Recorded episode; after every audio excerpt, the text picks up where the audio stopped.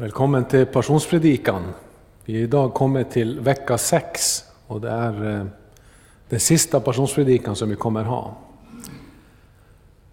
Efter klockringningen så ska vi idag sjunga, börja med att sjunga på 439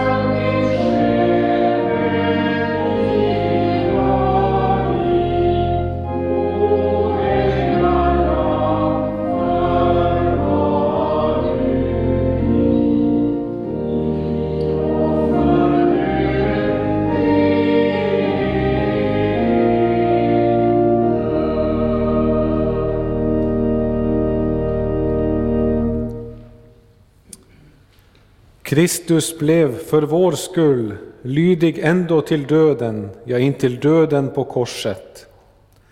Därför har och Gud upphöjt honom över allting och givit honom det namn som är över alla namn. Amen. Herren vare med er.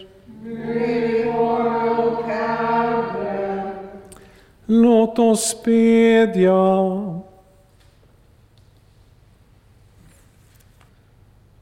O Herre Gud, himmelske Fader, som av din faderliga nåd mot oss icke har skonat din enfödde son, utan utgivit honom för vår skull och låtit honom lida korsets död. Vi bedja dig att du giver din helige Ande i våra hjärtan, så att vi förtrösta på denna din nåd och genom samme din Son få hos dig ett evinnerligt liv. Amen. Upplyft era hjärtan till Gud och hör dagens heliga evangelium. Så skriver evangelisten Markus i det femtonde kapitel från början. Tidigt på morgonen överlade översteprästerna med de äldste och de skriftlärda hela rådet. De lät binda Jesus och förde bort honom och överlämnade honom till Pilatus. Pilatus frågade honom, du är alltså judarnas kung? Han svarade, du själv säger det. Översteprästerna riktade många anklagelser mot honom och då frågade Pilatus honom, har du ingenting att svara? Du hör ju hur de anklagar dig. Men han svarade ingenting mera, och Pilatus blev förvånad. Vid högtiden brukade Pilatus alltid frige en fange åt dem, den som de bad om. Nu satt en som kallades Barabbas fängslad tillsammans med upprorsmännen som hade begått mord under oroligheterna. Folket tågade upp till Pilatus och bad honom göra som han brukade. Han svarade, vill ni att jag ska släppa judarnas kung?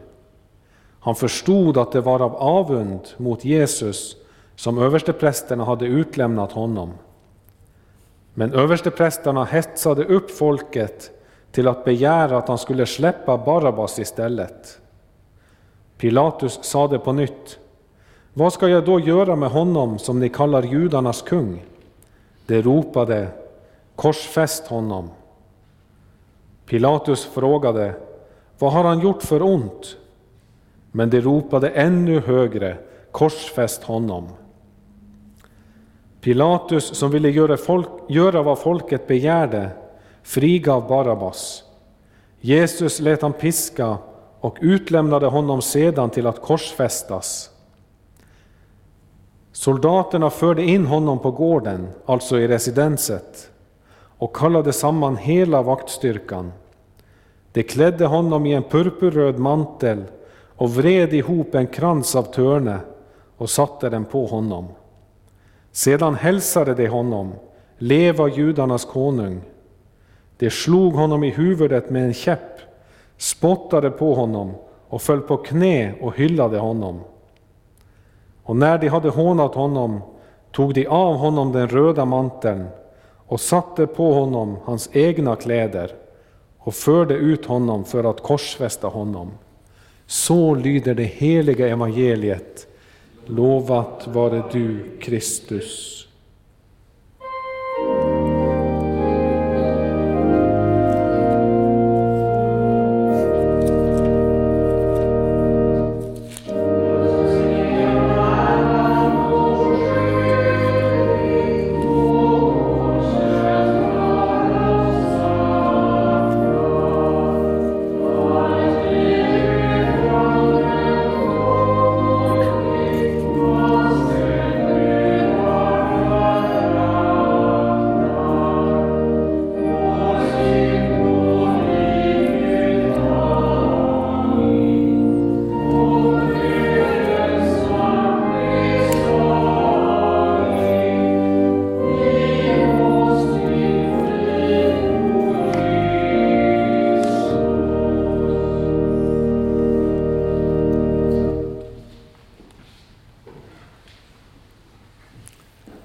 Käre Kristi församling, nåd vare med dig och frid ifrån Gud vår Fader och Herren Jesus Kristus. Amen. Låt oss bedja. Käre himmelske Fader, du som styr historien, du som styr på trots av alla onda viljor här i världen. Du som lät det som såg ut som det största nederlag blir den största seger när Jesus stod inför Pilatus och sändes för att korsfästas.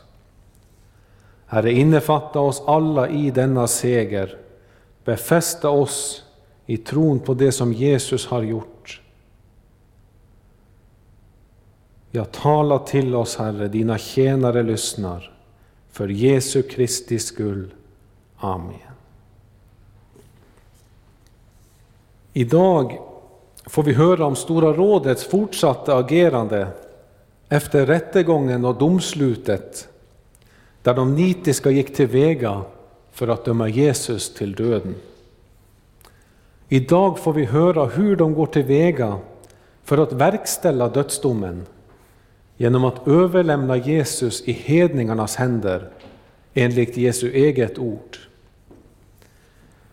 För romerna hade förbehållit sig rätten att avrätta någon.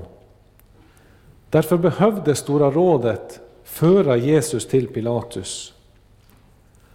Och eftersom hedelse mot judarnas Gud troligen inte skulle räcka till dödsdom hos romerna, så behövde de även hitta på en annan anklaga så att Jesus skulle avrättas. Så som sist vecka så är textens händelser målat med mörka färger. Stora rådet med översteprästerna i spetsen fortsätter att ljuga och bedra för att få Jesus dödat. Pilatus svekar sitt kall, fegar ut av fruktan för folket, så som Petrus gjorde det förra veckan. Och de av folket som höjer sin röst gör det så som sist vecka, just emot Jesus. Ja, även Jesu tystnad som uppenbarar lögnen och framkallar ransakning hos motståndarna, det liknar också förra veckan. Ja, det finns många likheter. För djävulen, lögnens fader, fortsätter sitt spel i kulisserna genom att påverka människors handlingar. Men samtidigt håller Gud allt i sin hand och leder historiens gång för att fullborda sin frälsningsplan, fullständigt suverän i förhållande till de ondas planer och handlingar.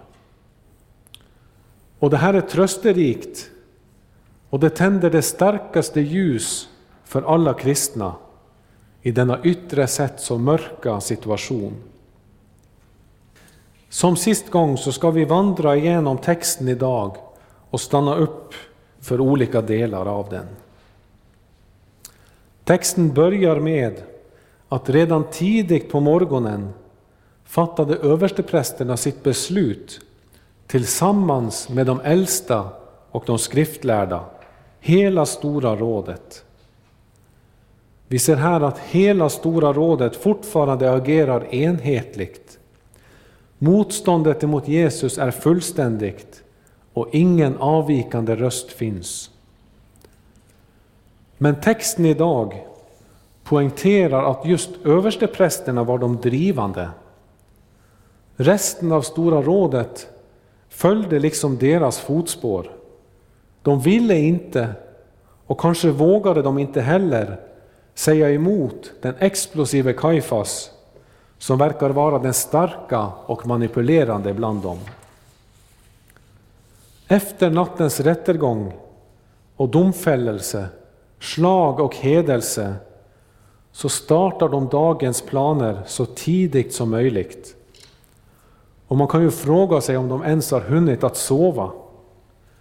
För deras brinnande hat emot Jesus för att försöka att få igenom sina onda planer ger de ingen ro, utan de måste köra på. Och så är det ofta när människor smider onda planer. Vare sig det är kriminella eller någon som bekänner sig som en kristen. När onda planer ska smidas så kan inte människan vila i att Guds vilja ska ske. Utan då måste hon själv vara i ledningen. Och hon måste själv styra över alla tillfälligheter som kan uppstå. Och eftersom hon inte har översikt över allt som kan hända så måste hon köra på och tvinga igenom sin egen vilja innan något oförutsett sker. Och då får man kanske offra sin nattsömn. Men Salomos ordspråk säger att den som ivrigt söker det goda strävar efter nåd, men den som far efter onda drabbas själv av det. Iver till det onda är därför fruktansvärt, både för den man söker drabba, men också sig själv. Men så är det inte för kristna människor som ber till Gud, ske din vilja. Hon får istället Bibelns uppmaning att lämna sin väg i Herrens hand. Hon får, vita om, hon får vila i att Gud själv tar hand om det som hon missar. För om hon gör Guds vilja så kommer det lyckas, även om hennes planer skulle bli om intet. Aposteln Paulus säger att Jesus Kristus har offrat sig själv för oss för att friköpa oss från all laglöshet och rena åt sig ett egendomsfolk, egendomsfolk som är uppfyllt av iver att göra goda gärningar. Ja, den som är uppfylld med iver att göra goda gärningar, han skall märka att Jesu ok är lätt och Jesu börda så gagnelig. För när vi med iver gör goda gärningar så är vi Guds medarbetare. Det vill säga att Gud själv arbetar med och har kontroll. Och då får vi sova gott om natten, för Gud sörjer själv för att hans vilja sker. Så som katekesen säger, vår bön förutan. Men vi ber i Fader vår att Guds vilja även ska ske med oss. Ja, det är saligt att ha det på detta sätt. För ett gott samvete, glädje i arbete i Herrens vingård, en vila i att lyckan inte avhänger av oss.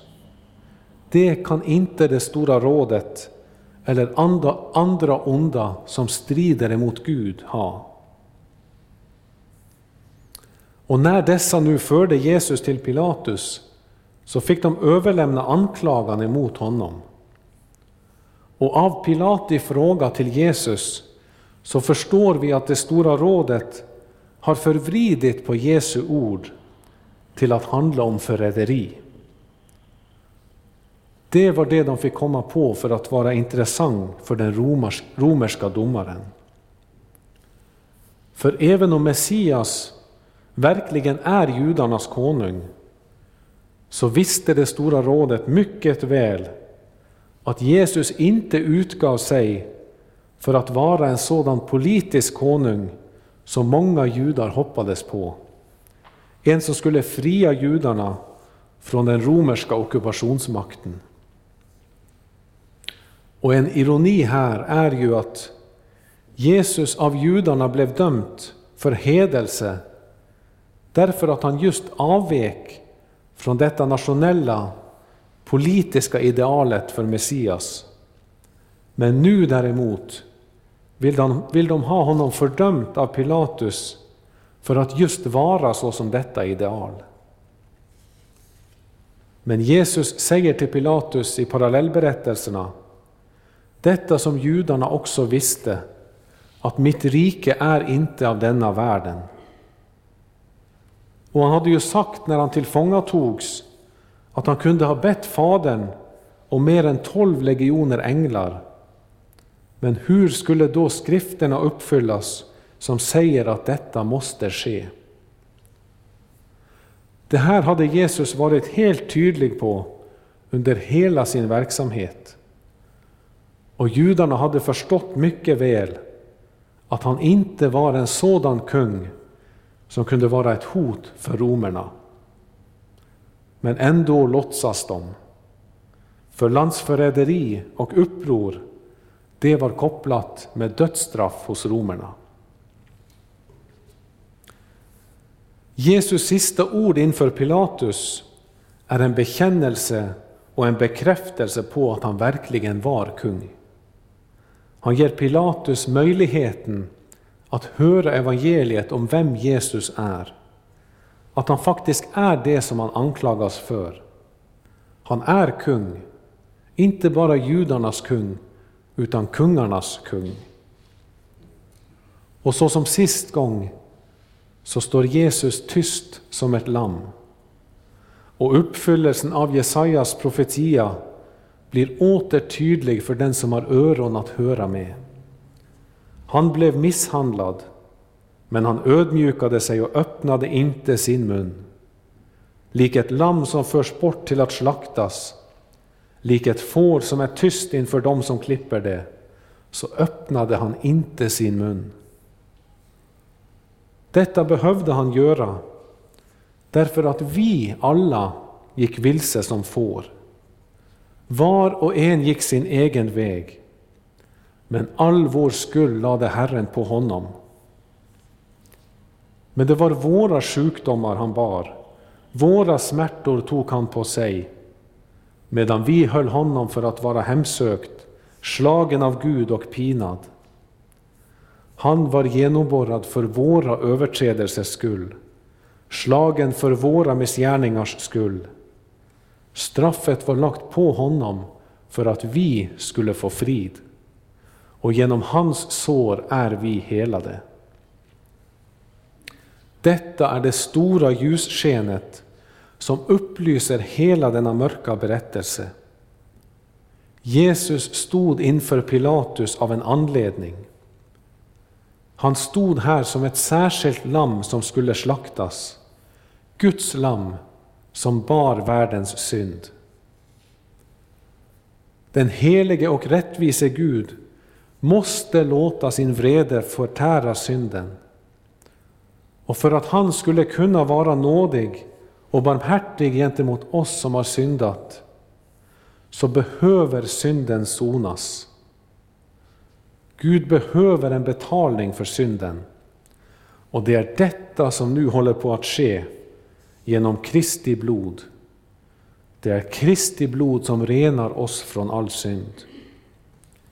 Han är det offerdjur som slaktas till försoning för Israels synder, för hela världens synder. Det djur som det stora försoningsoffret var förebild på. All synd blev lagt på honom innan han slaktades för vår skull. Ja, det var hon, honom som Jesaja fick vittna om. Hur Jesus stod tyst som ett lamm, där vi andra nog ville ha försökt försvara oss på alla sätt. Men Jesus kunde inte säga att han var oskyldig, för han var verkligen den syndigaste människan som har levt, just därför att han bar hela världens synd. Men i sig själv var han syndfri. Och bara därför kunde han hjälpa oss. Bara därför kunde det hjälpa oss att han bar vår synd på sig och sonade den genom att utge sitt blod på korset. För om han hade haft någon egen synd så behövde han ju lida straffet för den. Och syndens lön är döden. Därför kunde inte hans död då ha tillräknat oss. Men Jesus är Guds rena lamm oskyldigt. Han är vår räddning och han uppfyller här Guds egen plan med allt detta mörker som här sker. Ja, Jesus är tyst för vår skull och för allas skull som läser och hör detta. Jesu tystnad är verkligen en talande tystnad som även gjorde att Pilatus förvånades. Och Pilatus förstod att Jesus var oskyldig. Men ack, människofruktan skall aldrig undervärderas.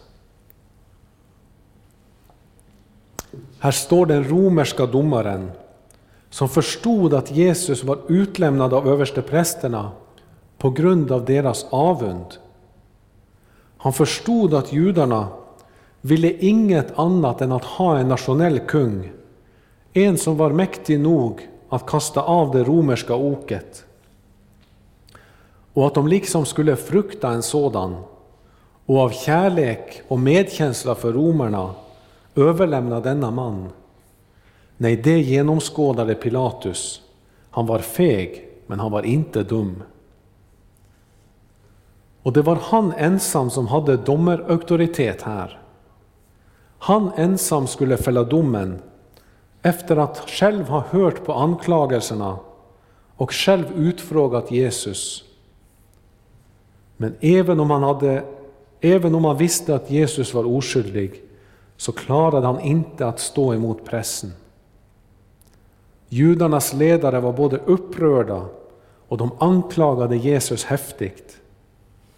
Och från parallellberättelserna så vet vi att de även försöker att pressa Pilatus med att om han inte ville döma Jesus så sätter han sig upp emot kejsaren.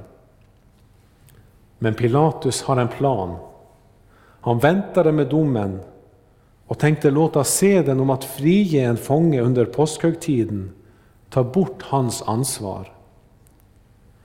För om folket bad om att få Jesus fri så kunde ju inte judarna anklaga honom för något. Men det gick inte så som han hade tänkt. Även om Pilatus ställde den värsta fången han hade i fängslet bredvid Jesus, en som var fängslad på grund av uppror och mord, så hjälpte det inte. För översteprästerna hetsade folket att begära Barabbas fri. Och Barabbas betyder förresten Faderns son. Och det är ironiskt att Jesus, som är den sanne Faderns son, att han skulle vara en ersättning för den syndiga och ovärdiga Faderns son. Båda två binds, Barabbas för att ha gjort synd, Jesus för att ta synden på sig som ett lösen för många. Ty Jesus säger, Människosonen har inte kommit för att bli betjänat, utan för att tjäna och ge sitt liv till lösen för många. Dessa två står här inför folket, och folket valde Barabbas. Men fortfarande står Pilatus fri att göra vad han vill med Jesus. Fortfarande kunde han kalla på sina legionärer till skydd för sig själv och fatta ett rätt beslut. Men tyvärr, då är det att domaren själv frågar folket hur han ska döma. Han säger, vad ska jag då göra med honom som ni kallar judarnas kung? Och när de skriker korsfäst honom börjar han agera som Jesu advokat. Och han frågar, men vad har han då gjort för ont?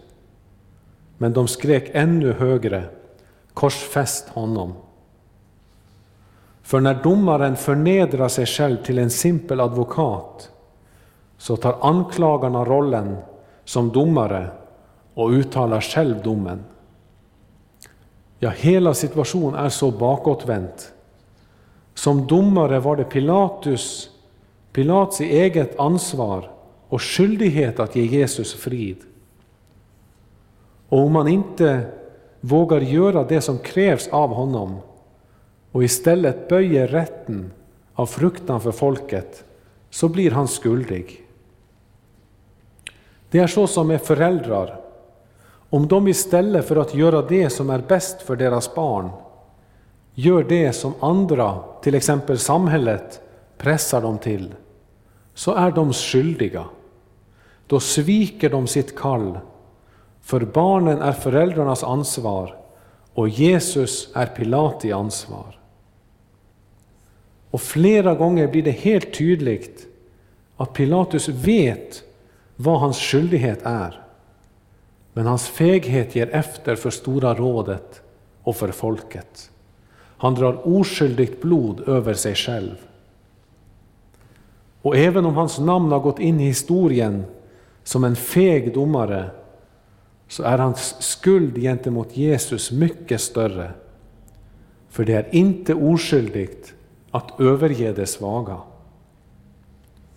Pilatus är lika som översteprästerna och Stora rådet skyldig till Jesu blod.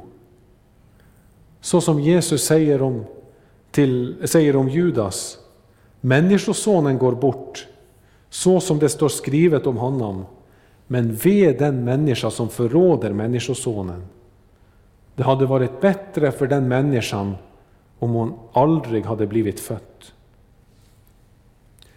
Och att Gud vände detta justitiemord till vår frälsning, det ursäktar inte Pilatus. För Pilatus svek sitt ansvar och då han ville göra folket till viljes frigav han Barabbas, men Jesus lät han gissla och utlämnade honom sedan till att korsfästas. Ja, folket ropade att Jesus skulle korsfästas. Det är tydligen inte mycket som ska till för att sätta en folkmassa i uppror och få dem att göra hemska saker. Något som många diktatorer har dragit nytta av. Man blir så lätt riven med. Det är så lätt att följa massan, men så svårt att stå ensam med sin övertygelse. Och detta får vi låta vara en varning för oss alla, att vi aldrig låter gruppen tänka för oss. För Gud följer aldrig folkopinionen, utan han dömer rättvist. Och han har i sitt ord sagt vad vi skall och inte ska göra. Och det måste vi hålla fast på om vi vill undvika skuld. Det hjälper inte om hela världen tycker annorlunda. Att lida för sanningen är hedervärt. Och det är det som vi kallas till när motståndet trycker på. En uppmuntran när vi därför ser lidande framför oss är så som Petrus efter sin upprättelse säger om djävulen som ett rytande lejon. Han säger, gör motstånd mot honom, orubbliga i tron, och tänk på att era bröder här i världen utstår samma lidanden. All nåds Gud som har kallat er till sin eviga härlighet i Kristus, han skall upprätta, stödja, styrka och befästa er, sedan ni en kort tid har lidit. När vi lider så lider vi så som våra bröder här i världen. För Jesus säger, kom ihåg vad jag har sagt. Tjänaren är inte för mer än sin herre. Har de förföljt mig skall de också förfölja er. Har de bevarat mitt ord skall de också bevara ert ord. Förföljelse är alltså något som alla kristna på olika sätt måste igenom. Alla skall inte korsfästas, dödas och fängslas, men lika fullt möter vi alla motgång därför att vi är kristna. Och i denna motgången försöker djävulen att fälla oss. Och då är det att vi ska komma ihåg att våra bröder utöver hela världen utstår samma och även värre lidanden än vi. För genom att påminna oss själva om detta så blir det tydligt att även om vi står ensamma i vår egen situation emot våra förföljare, så är vi i verkligheten många. En lem här och en där, som tillsammans blir många lemmar på den kropp där Kristus är huvud. Vi är inte ensamma med att tro Bibelns ord.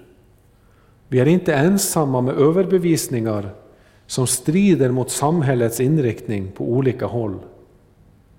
Vi är inte ensamma om att vilja värna livet, upphöja kärnfamiljen.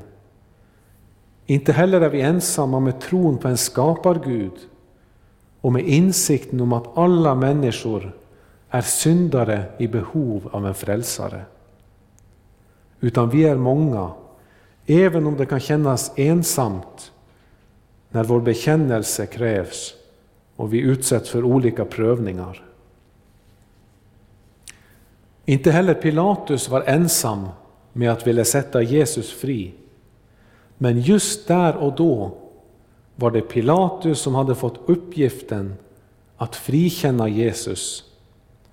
Och i våra olika prövningar är det just vi som har fått uppgiften att stå fast på Herrens ord. Pilatis svek måste ske. Det var enligt Guds plan att Jesus skulle korsfästas, även om det inte tar bort blodet från hans händer. Våra synder skulle få sitt straff i Jesus. Som Jesus sade, Människosonen måste lida mycket och förkastas av de äldste och översteprästerna och de skriftlärda, och han måste dödas och uppstå efter tre dagar. Det var Guds ofelbara frälsningsplan som här uppfylldes. För Gud själv arbetar i kulisserna.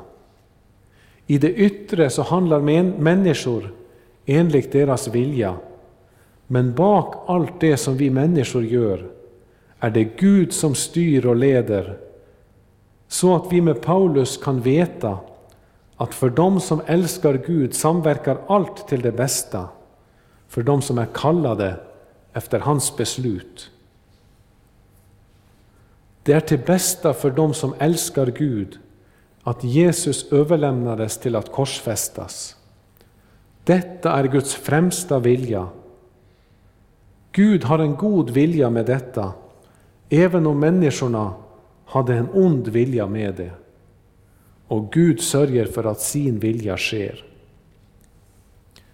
Och det är trösterikt för oss i våra olika prövningar, för också under vårt lidande, det som yttre sett ser ut att kosta oss mycket möda och besvär, bak det allt samman har Herren sin allvetande vilja och allsmäktiga hand som styr handlingarna.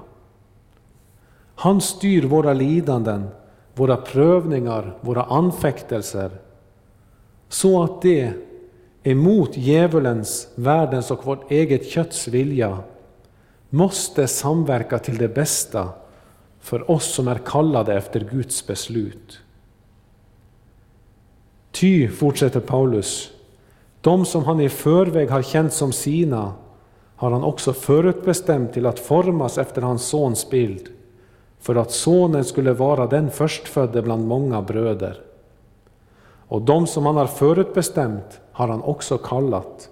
Och de som han har kallat har han också förklarat rättfärdiga.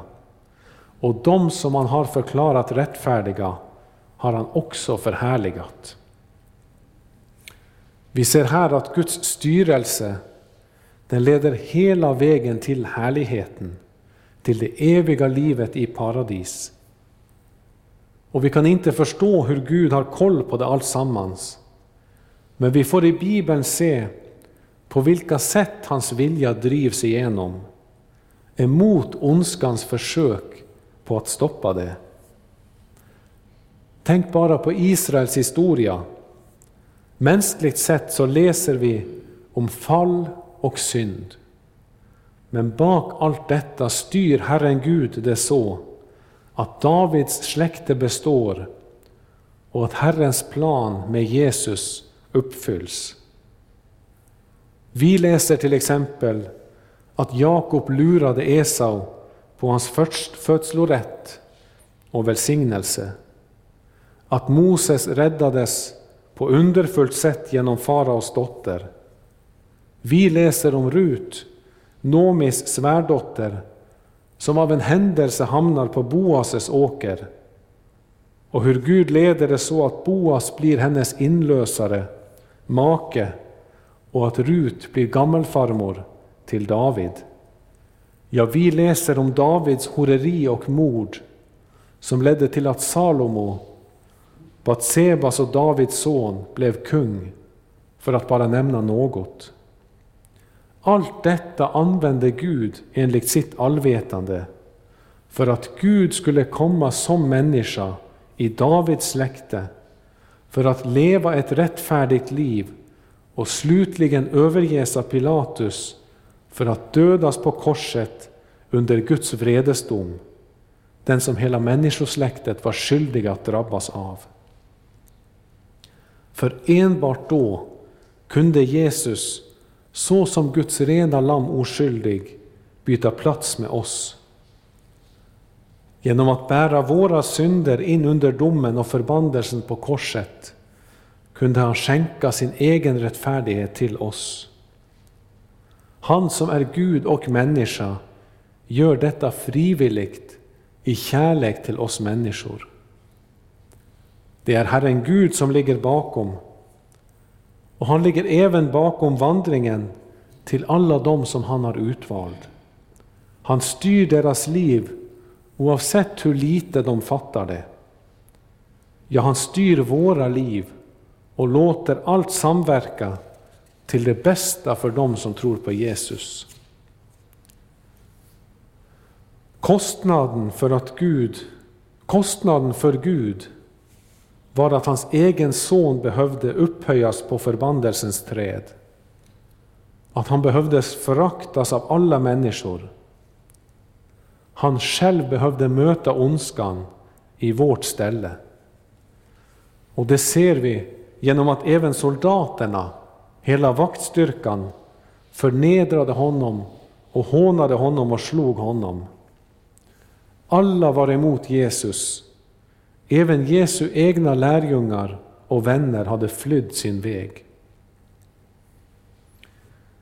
Detta var nödvändigt därför att Jesus behövde uppfylla all rättfärdighet ensam. Han gjorde allt, vi skall ingenting göra. Han är vår frälsning, vi bara mottagar honom såsom frälsare genom att höra om allt det som han har gjort för oss. Och till avslutning kan vi säga att all ondska som drabbade Jesus, allt det som människorna gjorde för att håna honom, det visar sig i verkligheten vara den största ironi. Tänk bara på soldaterna. De tror att Jesus är en ömkansvärd stackare som de kan håna och behandla hur de vill. De ser inte hur passande gester de faktiskt gör emot Jesus. De klädde honom i purpur som indikerar en hög status och auktoritet. De ger honom en krona, hälsar honom som deras ledare och adresserar honom som judarnas kung. De slår honom med en stav eller vass som sannolikt skulle imitera en spira som var symbolet på auktoritet och kraft och herrevälde. Ja, de böjde knä och tillbad honom. Allt detta som de hånfullt gjorde, allt sammans är passande att göra inför honom. För Jesus är den som de hånar honom för att vara. Och allt detta uppfyller Jesajas ord om den lidande tjänaren. Men de ser det inte, för de förstår inte vem Jesus faktiskt är. Vi som tror på Jesus, vi gör allt detta av hjärtat. Vi kallar Jesus för vår Herre, vi böjer knä och tillber honom. Vi erkänner hans kungamakt och kröning. För vi har genom dopet och tron blivit invånare i hans rike. Detta riket som allt vi har hört om idag var med på att grunda. Det skedde allt sammans för detta rikes skull. Må Herren ge oss ögon att se detta med, att Jesus led detta för vår skull. Vi som ofta med våra hjärtan, med våra tankar, ord och gärningar har hånat, förnekat, svikit, fegat ur och stått emot honom. Vår räddning är att Jesus led, led allt detta för att kunna förlåta oss. Det var så han uppfyllde löftet till Abraham om att i dig skall alla släkten på jorden bli välsignade. Och för det må Gud vara lovat och välsignat i evighet, som med sitt ord tröstar, lär, förmanar och varnar oss. Helige Ande, skriv ordet i våra hjärtan så att vi inte blir glömska hörare, utan varje dag växer till i tro, hopp, kärlek och tålamod intill tidens slut och blir saliga. Genom Jesus Kristus, vår Herre. Amen. Så sjunger vi på 440 från vers 3.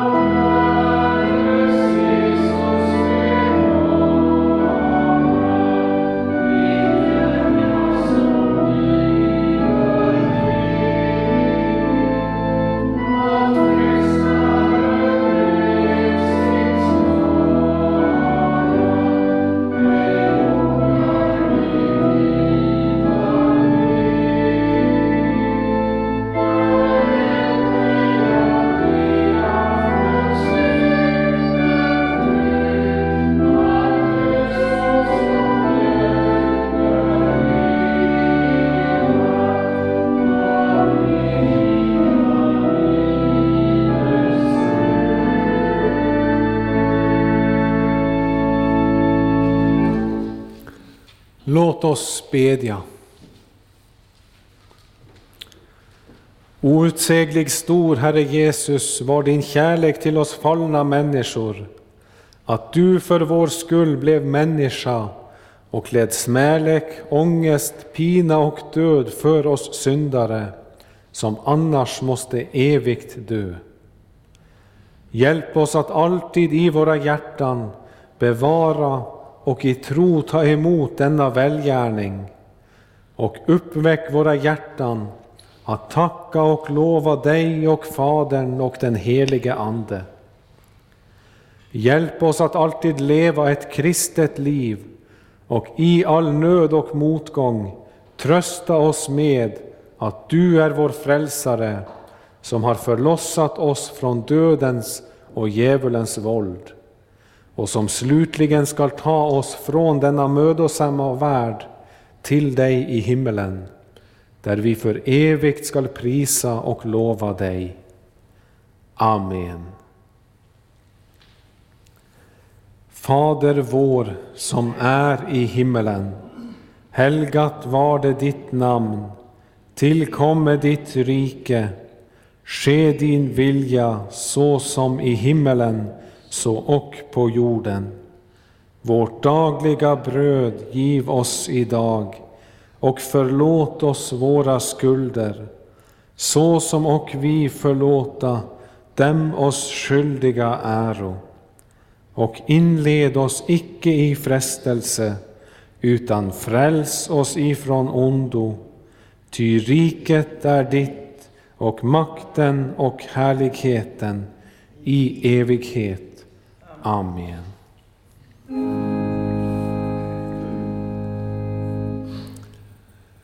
Böj nedra hjärtan till Gud och mottagen välsignelsen.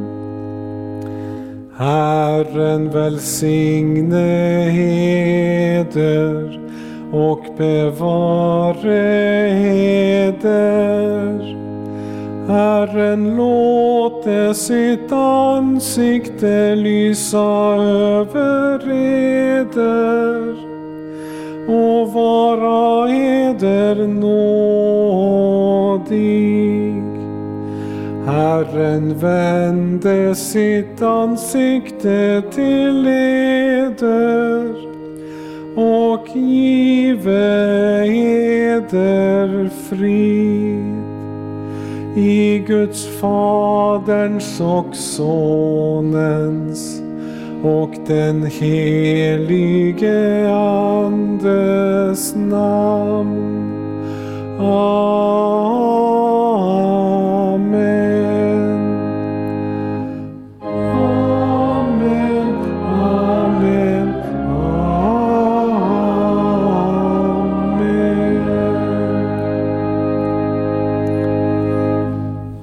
Så sjunger vi till avslutning 453.